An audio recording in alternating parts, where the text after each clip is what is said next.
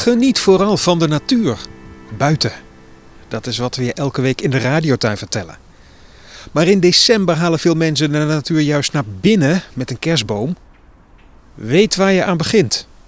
Want luister maar eens naar dit verhaal.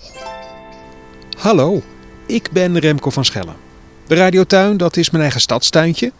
Maar dat kan net zo goed jouw tuin zijn of jouw balkon. Ik heb ook een kerstboom in huis. Eentje die ik na oud en nieuw weer uit elkaar haal en in een doos stop. Het is dus een nepboom. Maar veel mensen nemen toch nog een echte boom.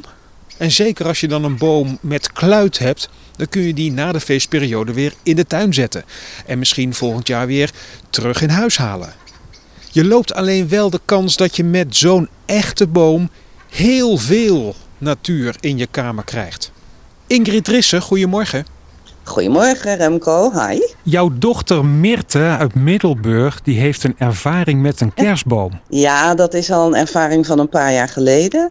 Zij had een prachtige kerstboom gekocht. Ze is altijd heel snel erbij. Dus in november wil ze al zo'n ding in de kamer. Met kluit. Ja. Helemaal opgetuigd. En op een gegeven moment belt ze. Ze zegt, ja, ik weet niet wat er met die boom aan de hand is. Maar lijkt wel of er kleine mini-mini beestjes in zitten. Wat, wat voor beestjes? Hoe zagen die eruit dan? Spinnetjes, torretjes. eh, Ja, minuscule beestjes. Die werden groter en het werden er steeds meer. Dus en die kropen dus over de vloer en over de muren. En nou ja, ze werd er wat hysterisch van. En de boom aftuigen. En toen heeft ze hem uiteindelijk toch van twee, drie hoog naar beneden in de voortuin gegooid. ze weet zeker dat het uit die kerstboom kwam? Ja, ja, daar kwamen ze daadwerkelijk uitgelopen, ja. En ze is teruggegaan naar die kerstbomenverkoper en die zei... een enkele keer kan dat gebeuren. Jammer, vervelend, je krijgt van mij een nieuwe kerstboom. Maar dat wilde ze niet meer en sindsdien heeft ze dus een nepper. Angstige ervaring, hoor, was het wel. Ingrid, eh, dankjewel. Ik ga dit eens eventjes voorleggen aan vaste natuurkenner Erik Milieu.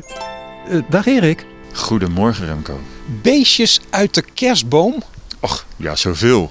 Ja, ook een kerstboom is natuurlijk een leefgemeenschap, hè, eigenlijk, als je erover nadenkt. Maar dat verhaal wat we net hoorden met die spinnetjes die eruit komen, dat klinkt angstaanjagend. Als je een stukje natuur van buiten ineens binnen in je, in je kamer zet, dan, eh, dan verandert er binnen zo'n boom van alles. En dan, dan daar kunnen er best wel eens beestjes in zitten die ineens denken van, eh, maar het was toch winter? En nu is het ineens warm. Hé, hey, lente, aan de slag! Want wat, eh, wat volgens mij, als ik het zo moet inschatten, het kunnen spinnetjes zijn geweest die aan het overwinteren waren. Die en masse uitkomen en aan de slag gaan.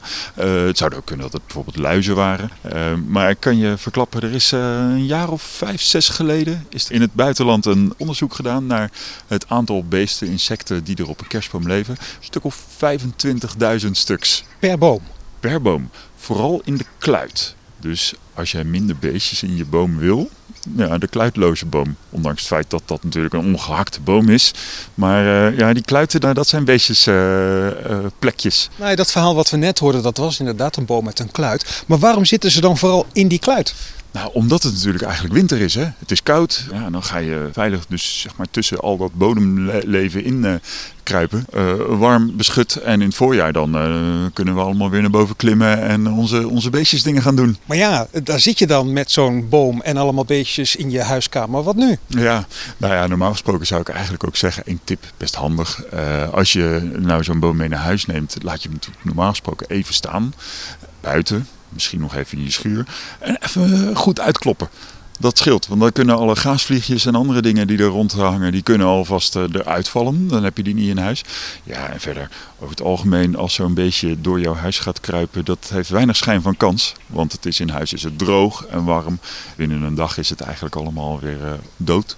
Komt het nou vaak voor dat er inderdaad allemaal van die beestjes in je kluit zitten? Ik merk het eigenlijk bijna nooit hoor. En ik, eh, ik hou het zelf ook altijd in de gaten. Sporadisch, een spinnetje. Een, een, een pissebedje die eh, toevallig meegelift is. Dus dat wat Meerte heeft meegemaakt, dat is eigenlijk wel uitzonderlijk. Ik snap dat ze daar ook wel de vraagtekens bij zetten of dit een heel goed idee was hoor. Hup, daar ging die boom over de balkonrand. Dankjewel Erik, ik spreek jou volgende week weer. En een goede kerst hè? Ja, eens gelijks Remco. Geniet ervan. Mooie dagen. Laat je door dit verhaal natuurlijk niet afschrikken. Hè? Het komt niet vaak voor dat je kamer vol beestjes komt te zitten als je een boom met kluit in je kamer hebt staan. Maar het kan dus wel. Kijk op radiotuin.nl voor nog wat linkjes over dit onderwerp. Ook naar dat onderzoek waar Erik het over had, over heel veel beestjes in je kerstboom. En daar vind je ook het verhaal van iemand die een babyuil in zijn boom aantrof. Dat is echt gebeurd. Leuk dat je erbij was. Deel jouw kerstboomverhaal vooral via radiotuin.nl. En tot volgende keer.